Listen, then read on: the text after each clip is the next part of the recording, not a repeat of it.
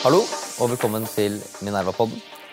Mitt navn er Aksel Fridstrøm, og jeg er nyhetsredaktør i Minerva. Og i dagens utgave av Minerva-podden har vi vært så heldige å få med oss en gjest. Og det er jo deg, eh, Henrik Vogt. Du er postdoktor på Senter for medisinsk etikk. Og en eh, veldig interessant gjest, vil jeg si, så nå må lytterne de må spisse eh, ørene.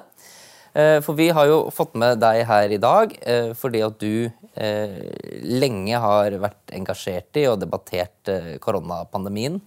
med, med litt ulike Eller med, med, din innfallsvinkel. Og hva er det som liksom har gjort at du har vært så engasjert i, i, i denne problemstillingen gjennom pandemien? Og du liksom kan oppsummere litt av ditt, ditt eget bidrag? Ja. Ja, nei, eh, tusen takk for, komme, for at jeg fikk komme. Eh, nei, jeg, jeg er jo lege. Jeg har en bakgrunn som er ganske bred. Og har en bakgrunn som ja, medisinstudie. Jeg har eh, studert også historie og litt filosofi. Og, og også journalistikk, og jobbet med journalistikk. Og, eh, og skrevet en doktorgrad egentlig, som handler om medisinsk teori. Altså hvordan eh, medisinen tenker. Eh, men eh, når jeg har vært interessert i pandemien, så er det jo fordi det er en kjempestor eh, historisk hendelse som opptar oss alle, men som også aktualiserer veldig mange av de tingene jeg er opptatt av. da. Eh, Blant annet ikke sant, medisinens plass i samfunnet, medikalisering, hvor stor plass medisinen tar. altså Medisinsk ekspertise måte, som maktfaktor. Eh, mange slike ting. da. Eh, og Forsøkte å, å, å, bidra til at premissene for debatten er klarere og sånt gjennom pandemien. Ja, for du har jo eh, Jeg følger deg jo på Facebook, selvfølgelig, og der er du jo veldig aktiv med å trekke frem masse ulike perspektiver. Men du har jo også vært aktiv med flere kronikker, i, særlig i Aftenposten. Du har vel en gang skrevet for, for oss også, men den var litt smelt på andre tida. Men særlig i Aftenposten så tar jo du liksom, medisinen som maktfaktor ofte, og som liksom, premissetter for hva vi kan eller ikke kan gjøre i samfunnet. Og hva er det du da liksom har du kan oppsummere litt, litt av de tingene du, du har ment i, i, disse sakene? Um, jeg tror, altså det, Den siste som er kanskje mest aktuell for oss nå, da, var jo en kronikk jeg skrev for det er jo faktisk nå halvannen måned siden, eh, som handlet om der, der liksom Overskriften var at, at sykehusvesenet eh, måtte svikte samfunnet litt i å håndtere store, krappe smittebølger. Og liksom ikke skalerer opp kapasiteten på samme måte som Eh, som eh, har, det har blitt skapt en forventning om, da, også fra, fra sykehusvesenet selv.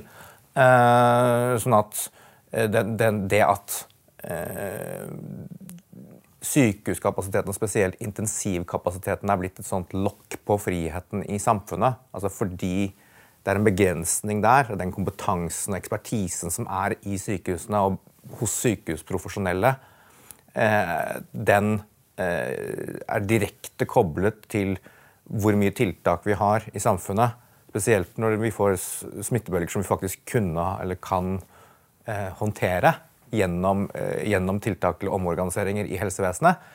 Eh, så blir det en sånn eh, balansegang der i, i, i utviklingen i samfunnet nå i denne krisen. Um, der leger er ekstremt viktige premissleverandører. da, med sin ekspertise og sin, sin status. Eh, sånn at Det går vel rett tilbake til mine liksom, studier i tidligere, i tidligere karrieren med liksom, å se på kunnskap og makt og historien om profesjoner og sånt, som jeg studerte på et tidspunkt. Og, og se og liksom Også i tillegg til at sykehus, leger og sykepleiere er er eh, mange måter helter i denne sammenhengen, eh, så er det jo også så er det jo også premissleverandører med en ganske betydelig innflytelse, da, spesielt definisjonsmakt, over hva vi f.eks. mener med overbelastning. Hva som ligger i det. Så har vi kommet inn i en fase tenker jeg, der, vi, der det blir, har blitt mer og mer viktig å diskutere. Og etter, etter den kronikken blant annet, da, for uh, ca. halvannen måned siden, så, så syns jeg den debatten har kommet mer, mer opp. Vi har jo også eh, undersøkt dette journalistisk, og det vil jeg kanskje også komme litt tilbake til. Men bare Men først spør jeg, Hva slags type liksom, reaksjoner er det du liksom, har fått? Altså, du er jo lege selv. Eh, på at du liksom, tar, opp denne type problemstillinger. Er det liksom veldig positivt, negativt? eller liksom, hvordan opplever du å være en person som deltar i den debatten? Det er en veldig viktig debatt for oss som samfunn. Akkurat den kronikken skapte jo en del bølger. Eh, og, og det, var, det gikk helt fra veldig negative, usaklige ting personrettede ting til, til uh, forståelse og, og, ros blant kolleger. Altså. Uh, så at det, det, er hele spekteret. Så internt i sykehusene så kan man si at det også liksom, det finnes en, en uenighet da, kanskje om, om, hva man kan og ikke kan gjøre, og hvordan man bør kommunisere? Ja, altså um, Helt klart. Altså det, man kan jo kanskje noen ganger få inntrykk av at f.eks. intensivmiljøet, intensivleger eller intensivsykepleiere er helt enige om om hvordan man kan gjøre, og hvilke spørsmål i det hele tatt man kan diskutere i denne sammenhengen. Kan man diskutere om man kan omorganisere på et eller annet vis for å øke kapasiteten? Er det mulig? Noen stemmer vil si at nei, det er ikke mulig i det hele tatt. Vi kan ikke gjøre noen ting, nesten. Mens andre vil si at det, jo da, vi kan, vi kan det. Så, det er, så tilbakemeldingene jeg får, så er, så er det ulike syn, faktisk.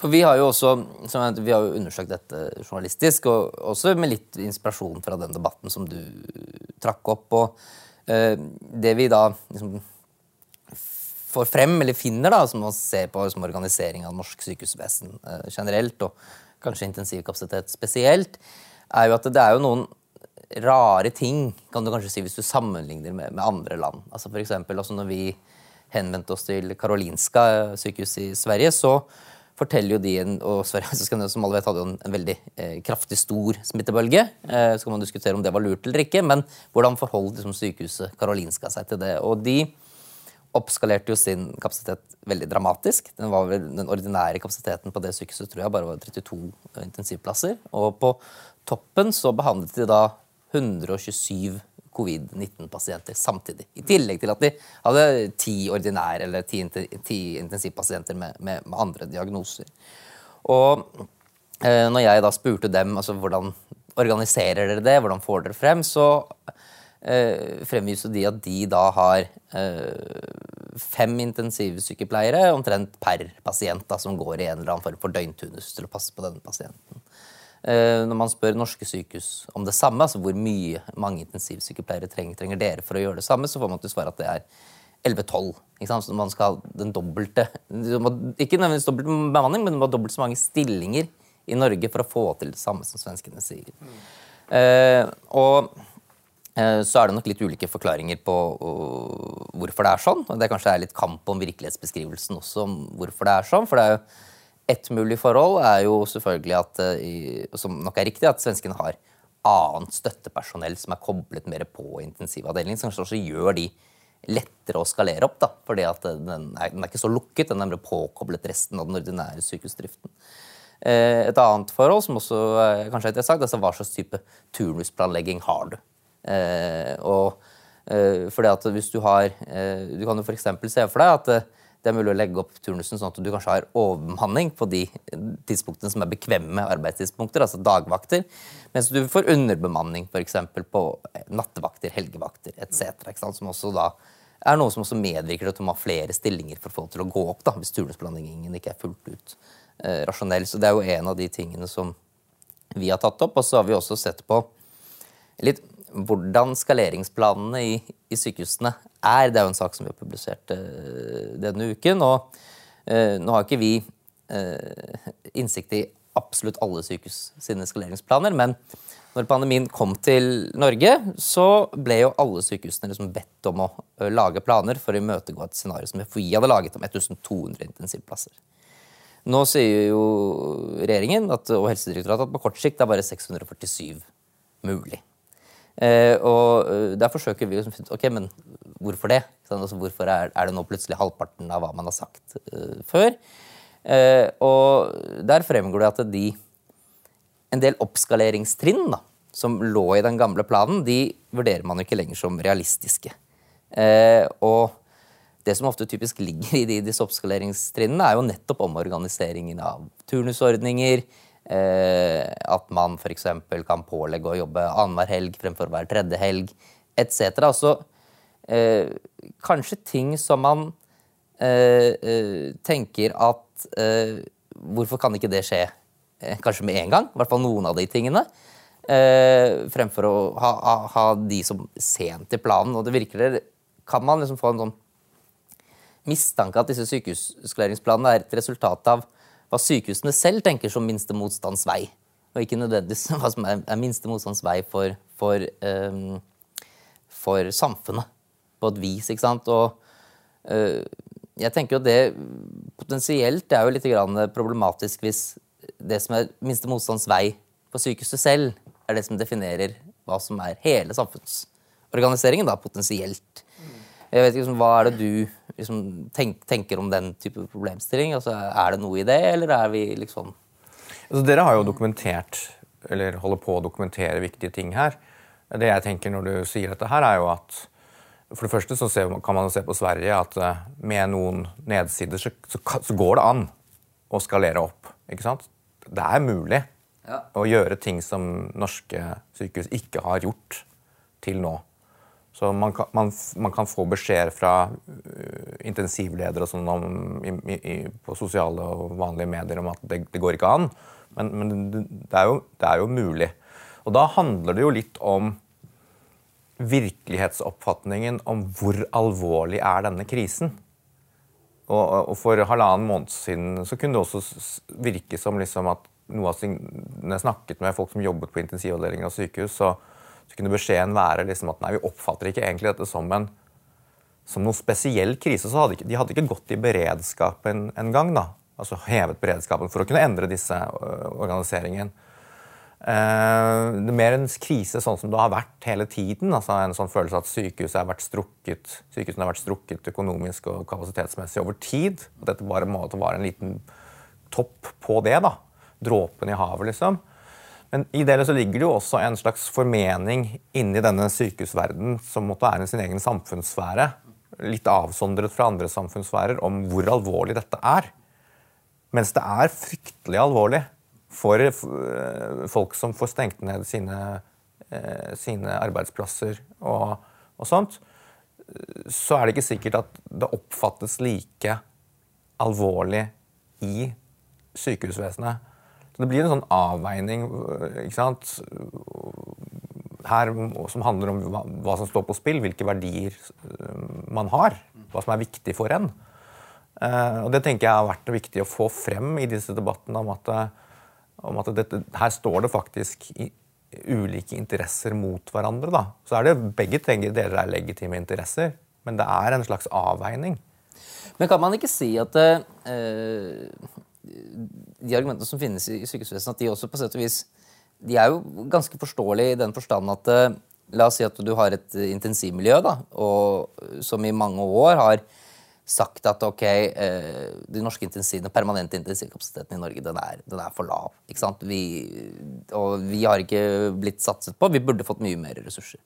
Og så kommer det liksom en sånn smittebølge som da synliggjør at eh, ok, vi trenger egentlig kanskje tre-fire ganger kapasiteten, den ordinære kapasiteten for å liksom håndtere det. Og det er jo litt forståelig synes jeg, fra, fra deres perspektiv å også si liksom at eh, ja, hvorfor skal liksom eh, vi nå bare komplett omorganisere eh, måten dette gjøres på, når vi i alle år har påpekt liksom at uh, denne kapasiteten er underinvestert i? Altså, Er ikke det også et godt poeng fra, fra deres, deres, side? Jo, og jeg, jeg, jeg, har hele tiden sagt meg enig i, uten at jeg er noen ekspert egentlig på disse tingene, sykehusorganisering og, og lønnssituasjonen og alt mulig sånt, at det, dette er grupper som, som uh, eller, eller kapasitet som sannsynligvis burde oppskaleres noe på sikt. Ikke minst i en situasjon der vi har en pandemi, eller en ettervirkning av en pandemi vi kan forvente å ha noen år.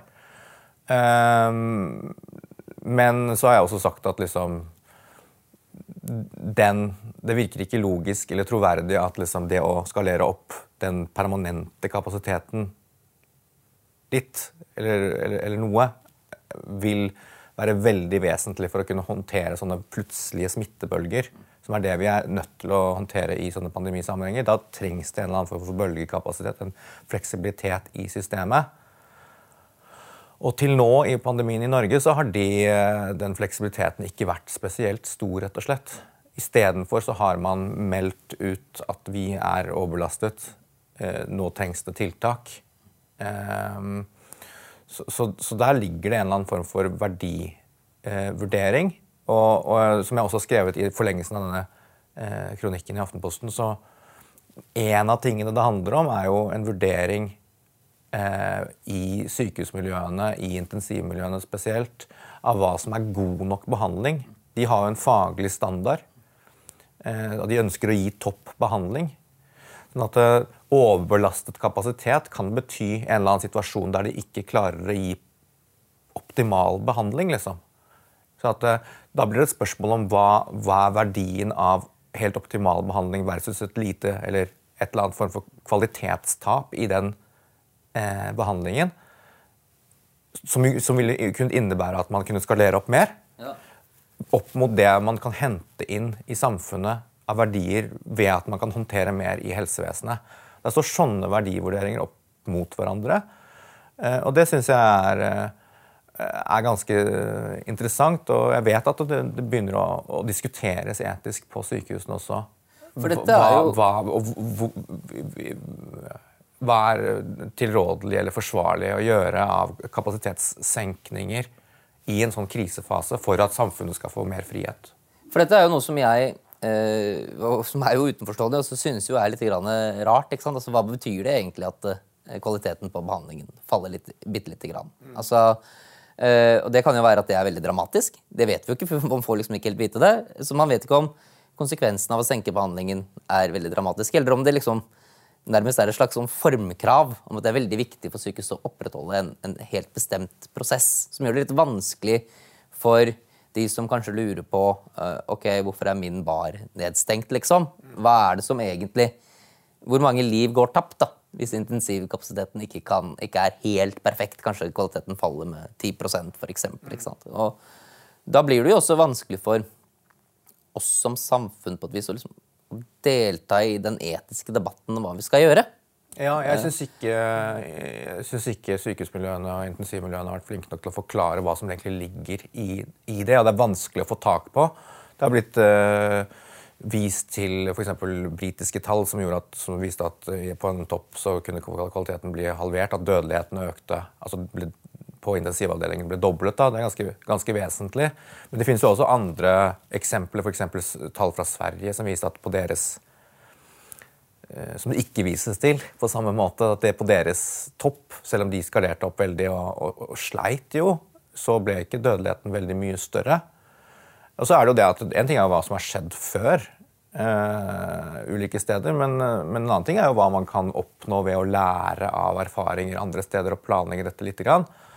Uh, sånn at jeg syns det, det, er vanskelig å få tak i, og en, liksom en debatt som til nå har vært vanskelig å ta, da, som ikke det virket som har vært så veldig stor vilje til å i hele tatt gå inn i blant ledende figurer i intensivmiljøet bl.a. Mens, mens uh, andre vil si at vi må gå også i intensivmiljøet, vil si, i hvert fall til meg privat, at liksom, det er en debatt vi bør ta. Og som jeg vet også, så vi ønskes å tas mer på generelt plan i, i f.eks. Oslo universitetssykehus nå. Så ja, så at, dette har jo vært altså, i store deler av pandemien så har jo ikke dette handlet om egentlig så veldig mye om hvor mange som vil dø i samfunnet hvis dette går gjennom, f.eks. Det ble veldig fort spørsmål om at det, som, det, det handler om politisk, er, er liksom samfunnets, eller velferdsstaten, da, som i en måte er et helsesamfunn. der liksom kontrakten er at, at politikerne og staten skal ta vare på helsa di. Så har, så har liksom eh, noe av poenget, eller, eller helt sentrale, vært liksom Klarer helsevesenet eh, å gi deg adekvat hjelp? Og hvis ikke man opplever at helsevesenet kan gi, gi, det, stille opp i den kontrakten, så innsettes tiltak. Og så kan man si at det har vært en slags glidning i hva man mener er stort nok ansiktstap for å si det på den måten, for velferdsstaten. Da. I, I, begynnelsen så var det bare det man ville unngå, mer en sånn katastrofe der det virkelig liksom, alt raknet og, samfunnet ikke kunne stille opp i det hele tatt. For det var jo høyst plausibelt. vil jeg jo liksom Ja, Når man så mene. på Italia og sånt, så, så, i starten der, så ble det etter hvert liksom det man hadde så i øynene. Så det, så det var liksom en realitet. da. Eh, men så kan man føle at det har vært en slags glidning i det der hva er det som er at stake? Eh, hva er det som, som står på spill her? Og, og, til, til, at den nå da eksplisitt At vi får det liksom på, på bordet i debatten at eksplisitt så handler det om at samfunnet stenger ned når det blir noen som helst forringelse av intensivhjelpen du får. Eh, og det er en mye snevrere krav, og det, jo, det gjør jo at dette blir veldig lite fleksibelt. da. Eh, for da kan man skalere veldig lite opp. Og jeg bare, bare legge til helt sånn, mens, jeg husker det, det, det kom jo en jeg synes en ganske oppsiktsvekkende uttalelse fra helseminister Kjerkol eh, i forrige uke der det var snakk om disse nye 647 plassene som man har telt opp nå på nytt da, i Helse Sør-Øst, nei, helse, helseforetakene. Eh, der hun eh, i eh, VG eller Dagbladet sa at disse, denne oppskalerte kapasiteten den inneholdt på en måte inne, det, å, det, å, skalere opp innebar en form for eh, forringelse av kvalitet som hun sitat sa Og det ønsker vi ikke. Så det var et eksplisitt politisk, i hvert fall hvis man skal ta henne på ordet i den uttalelsen, at liksom, den, den, kapasiteten vi faktisk har, den ønsker vi ikke å bruke fordi den vil være litt dårligere enn den vi vanligvis tilbyr. Og Det er jo et kjempeinteressant dreining der helseministeren sier eksplisitt at, eh, kommer med en eksplisitt verdivurdering. Eh, av at nei, jeg vil heller da ha stengt ned disse og disse delene av samfunnet, fremfor at denne kvaliteten blir eh, litt dårligere, eller x dårligere. Eh, og Det syns jeg er eh, kjempeinteressant. og Da blir spørsmålet for meg ok, Dette er en relativt ny helseminister og ikke noen ekspert på sykehuskvalitet i seg selv. Hvem har, hvem har lagt de premissene for at hun skal tenke det? Hvem, hvem, hvem står bak den, eh, den, eh, den, den bedømmelsen? Eh, og da er liksom kunnskap og makt Akademikeren eller, eller, den som er interessert i det, våkner litt da, og tenker at her, her, står det sannsynligvis fagmiljøer og sykehusmiljøer bak, og, og har en definisjonsmakt. og Det syns jeg er viktig å få fram. Ja, for Hun må jo også ha en veldig vanskelig jobb. Hun Kjerkol, Det er ikke lett å komme inn som en fersk minister i en, i en sånn, uh, nei, sånn, type krise. Nei, altså helse er jo også en slags, uh, Helseministeren har alltid sagt er en slags kirke- og kulturminister i vårt samfunn som er så opptatt av helse på sånn, sånn religiøs måte. Så det er jo et, det er jo et veldig det er et, uh, Helsevesenet er jo et uh, mange måter et vepsebol fra før, og dette er jo en helt ekstraordinær situasjon. Så det er kjempekrevende. For jeg... Eh, har jo ofte sånn, tenkt litt selv at når liksom, helsevesenet liksom sier ja, dette, dette, kan vi gjøre, dette kan vi ikke gjøre, så er, har jeg sittet igjen med et inntrykk at det da kanskje er et litt sånn finslipt kompromiss mellom ulike parter i, i, dette systemet, og hvor det nok oppleves også som at da har alle partene strukket seg til maks. Så for dem så er det virkelig liksom eh, Da har alle gitt alle de kompromissene de kan, og så får vi dette resultatet. Mm. Og fra deres perspektiv så tror jeg det også det oppleves liksom som, som, som, det maksimale. Men for, for, utenforstående så kan det jo Er det ikke så opplagt at man skal komme frem til akkurat den, den type enigheten eller akkurat den type tall? da. Uh, som jeg syns er et viktig perspektiv. Men jeg tenkte jeg skulle uh, hoppe litt videre, fordi at nå har det jo kommet en ny risikovurdering fra FHI, og den sier jo at etter alle solemerker da, så vil jo denne uh, intensivkapasiteten på 647 Det skal veldig mye til for at den ikke er tilstrekkelig for å håndtere disse modellerte omikronbølgene. Så Altså det er egentlig en, en noe med, Det er noe med omikron-varianten å gjøre også. Ja, at den ser ut til å Heldigvis. det er jo en, Egentlig er jo omikron på mange måter en slags gudegave. Det har vært litt undervurdert hvor positivt på mange måter her, syns jeg. Men den, den, den ser ut til å gi mye mindre intensivinnleggelser. Derfor blir det intensivkapasiteten kanskje litt mindre sentralt fremover? Ja, så det Potensielt at det argumentet om at intensivkapasiteten er, blir strukket til maks, da, bortfaller kanskje delvis? Ikke et, helt, eh, men, eh, tror jeg, men det, det, gjenstår jo litt å se også.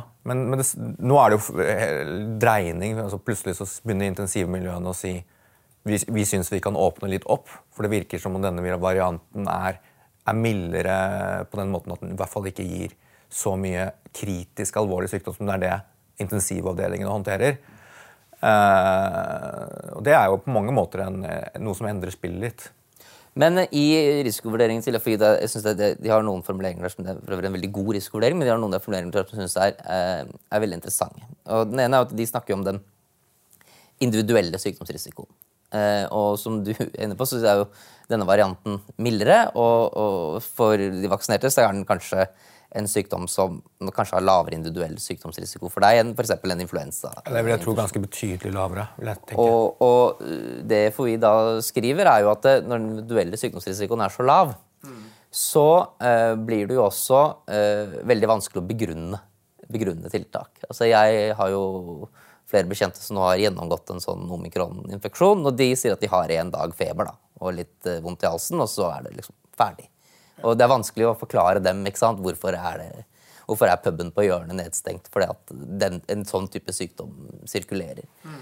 Uh, men samtidig så har jo også FHI et uh, poeng som også er veldig interessant. og det at, det at den individuelle risikoen er så betydelig redusert, er ikke det samme som at samfunnsrisikoen er eliminert. Uh, og i, i, i disse modellene de har, så sier du ikke at det nødvendigvis kommer så veldig mange på intensiven, men det kan komme ganske mange på sykehus. Og det er jo også en kapasitet som på sett og vis kan bli belastet liksom, ja, det, for hardt. Det kan, absolutt. Og den, den, er, den, er, forhåpentligvis noe mer fleksibel enn denne veldig høyspesialiserte eh, intensivkapasiteten som vi til nå har vært veldig sånn avhengig av eh, for å unngå tiltak. Men, eh, men, nå blir liksom kanskje totale sykehuskapasiteten den totale kapasiteten i helsevesenet det sentrale. Eller mer sentralt. Um, ja, så, så, så, så, det er en dreining, da. Uh, ja. Men tror du det eh, Nå skal jo eh, Vi spiller jo inn eh, podkast, og så har jo regjeringen har en pressekonferanse senere i dag. Eh, men tror man at eh, Eller tror du at det, man nå vil, kanskje vil oppleve en eller annen form for målforskyvning? Der hvor liksom samfunnet blir nedstengt, ikke lenger med begrunnelse i den intensivkapasiteten, men da sykehuskapasiteten generelt? Eller, eller vil man liksom nå i mye større grad la det gå? på et eller annet vis? Ja, det tror jeg. Det, det, det, er jo signaler som kommer nå fra Folkehelseinstituttet og også fra Helsedirektoratet. tenker jeg at det, det, går litt i den retningen.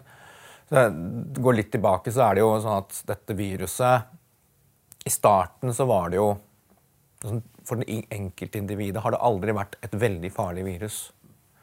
Det fins virus som influensavirus, ebola og Det fins virus som er vesentlig mer dødelig hvis du får det.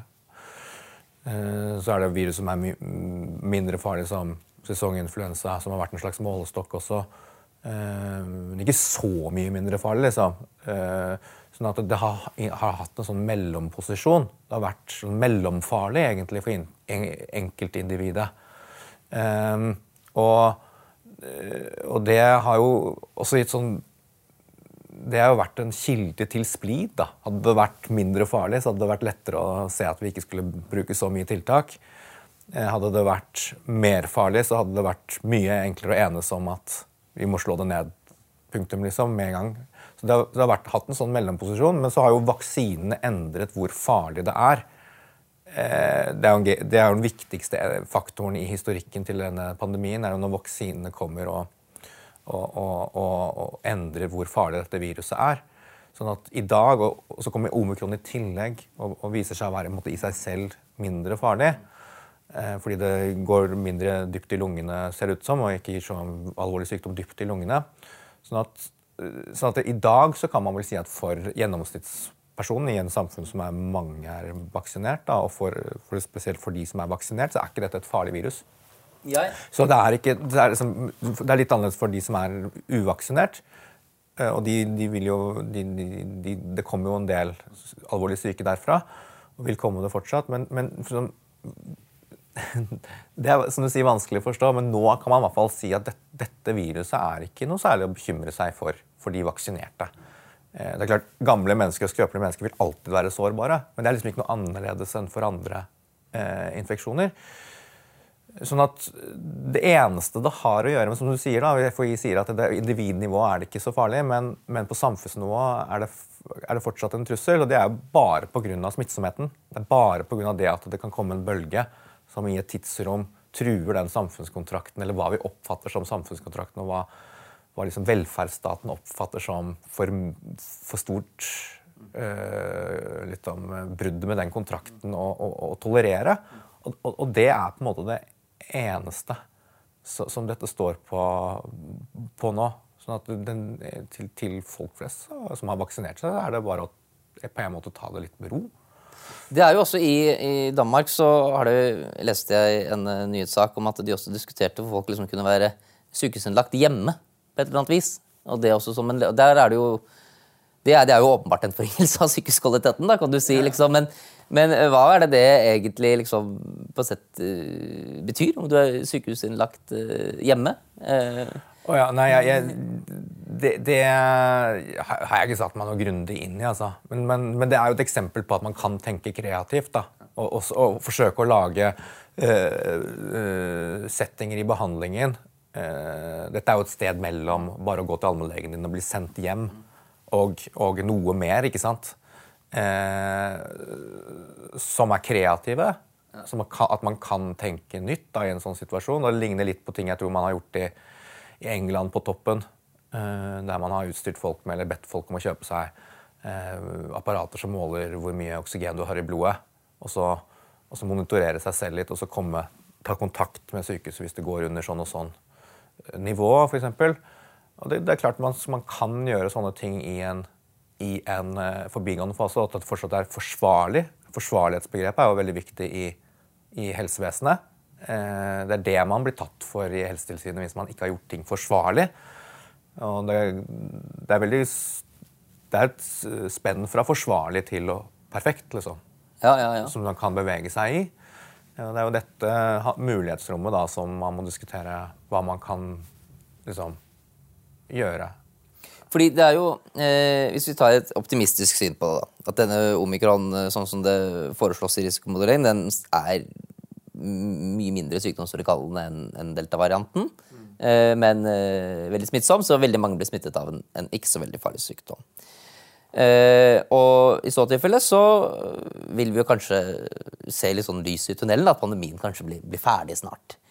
Men eh, samtidig så tenker jeg Eller jeg, jeg ser litt sånn tilløp til det som jeg i hvert fall normativt kanskje opplever som en risiko. da, At vi liksom i, i slutten av eh, pandemien liksom begynner å innføre en del nye tiltak som har en del sånn nye eh, Som bryter en del gamle prinsipper for å liksom bare knekke den siste smittetoppen. Altså for eksempel, Bruk av koronapass for eksempel, er, jo en, er jo en interessant ting. for det, eh, det du i realiteten gjør, er at du innfører intensiver som ikke er medisinske, egentlig, for å, å ta et legemiddel.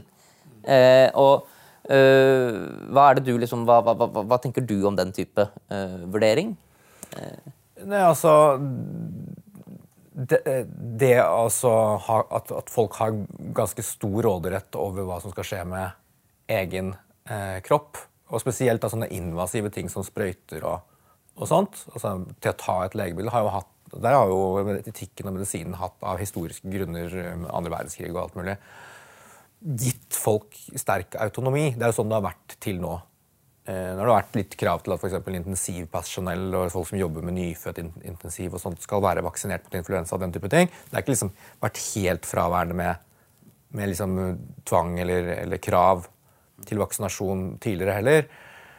Men hvis det kommer til det der med at man skal bruke type koronapass for å legge et press på at folk skal gjøre en, en en medisinsk intervensjon, så har du tatt. Det er i hvert fall sånn at Da har det skjedd en historisk dreining da, i, i, hvordan man Dette er jo det som på engelsk kalles coercion, altså en form for press. Om ikke tvang, så en form for press for å få folk til å gjøre en medisinsk intervensjon. Som uh, vil representere en historisk dreining i det. Jeg, jeg syns at dette er noe man skal vokte seg for. og Det er ofte sånn på slutten av kriser der man er lei og og liksom kjørt og frustrert, og sånn at man kan kanskje være åpen for de dummeste grepene. Det fremstår for meg som ganske unødvendig. og Jeg vet, jeg skjønner ikke hvor, hvor effektivt disse koronapassene skal være nå, egentlig. Eh, jeg vet ikke om det finnes noen god dokumentasjon for det heller. Men, men da, det man risikerer, er jo, er jo en form for splittelse i samfunnet. Da. En type skade som kanskje ikke er så målbar. Eh, så det er liksom Jeg tenker ja, jeg kan være veldig frustrert og oppgitt over folk som ikke ønsker å vaksinere seg. Eh, så lever vi i et samfunn der folk er i sine ulike sosiale medier-bobler og, og, og, liksom lever i ulike virkeligheter. Og, og liksom, kanskje noe av utfordringen da er å ha en viss toleranse for det da, og ikke agere. Altså, en ting er å være frustrert på de menneskene, og det syns jeg er helt greit. Og jeg er bare oppgitt over det tullet vaksinemotstand er. Å si tydelig fra er helt, helt, greit, men så er det en grense for hvordan man skal agere på den frustrasjonen. Og hvis man agerer på en sånn måte som er sånn også dem, så risikerer man kanskje mer splid i samfunnet. Det er en type skade som denne pandemien kan gi, og som jeg tror man skal vokte seg litt for. For jeg eh, har jo, jeg tror vi er en av de første landene som begynte å, å, å snakke om eh, Eller begynne å innføre koronapass med veldig strenge begrensninger for de uvaksinerte. Det er jo Østerrike, tror jeg. Og der var det jo eh, altså Hvis du ikke du er vaksinert, så får du ikke handle nødvendighetsvarer. da. Eh, nei, noe annet enn nødvendighetsvarer. Så og når dette da ble diskutert før jul, så var det jo realiteten slik at det ble forbudt for de uvaksinerte da, å kjøpe julegaver ja. til venner og barn og familie. ikke sant? Og det eneste partiet i Østerrike som er mot det, er jo ytre høyre-høyrepartiet. Ja. Og det skaper jo en veldig rar eh, politisk situasjon hvis det mm. eneste partiet som mener at eh, du skal ha lov til å kjøpe julegaver til barna dine, mm. er ytre høyre. Ja. Eh, det er jo en, en form for Jeg vet ikke om man helt liksom, har klart å tenke gjennom den, politi den politiske dynamikken du introduserer når du lager sånne ja, altså Faren ved å la ytterliggående, totalitært orienterte, eh, problematiske partier har eierskap til noenlunde fornuftige vurderinger. Der alle andre i det politiske spekteret lar dem ha det, da, tenker jeg er ganske problematisk. Det, det, det, samme ser man vel kanskje med Kan man nesten se med Trump nå, liksom. Han kan sitte og fremstå som litt moderat i den, i den veldig polariserte amerikanske debatten. Med liksom eh, Blir intervjuet av konservativ eh, medieperson, og så sier han liksom at 'jeg syns vaksinen er bra, men det bør være frivillig'. Ja. Og så som er akkurat det vi ville si. ja, ja, ja. Mens den ytre høyre-dama som han blir intervjuet av, liksom nærmest idiotforklarer han etterpå som en fyr som støtter disse tullete vaksinene. Mens man da på demokratisk side er langt inne i press og tvangstiltak. Altså Man lar en person som Trump da, eh, ha eierskap, eh, i dette tilfellet, da, på en relativt eh, moderat posisjon. Det tenker jeg er ikke så smart. Det er veldig fascinerende, og det blir jo spennende også å se hva blir liksom, La oss si at pandemien ferdig, er ferdig som en sånn eh, akutt samfunnskrise. Det kan jo være at vi, vi kommer til det punktet i år. Forhåpentligvis så gjør vi jo det.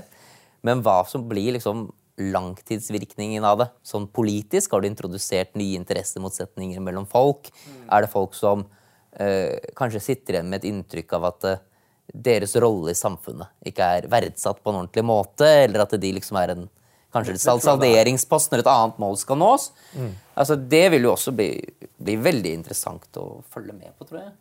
Ja, og så tenker jeg fra de som har et sånt slags liberalt sinnelag, de tenker jeg eh, Altså det er skjedd ut, en utvikling her. Man kan bli veldig fartsblind i en sånn situasjon.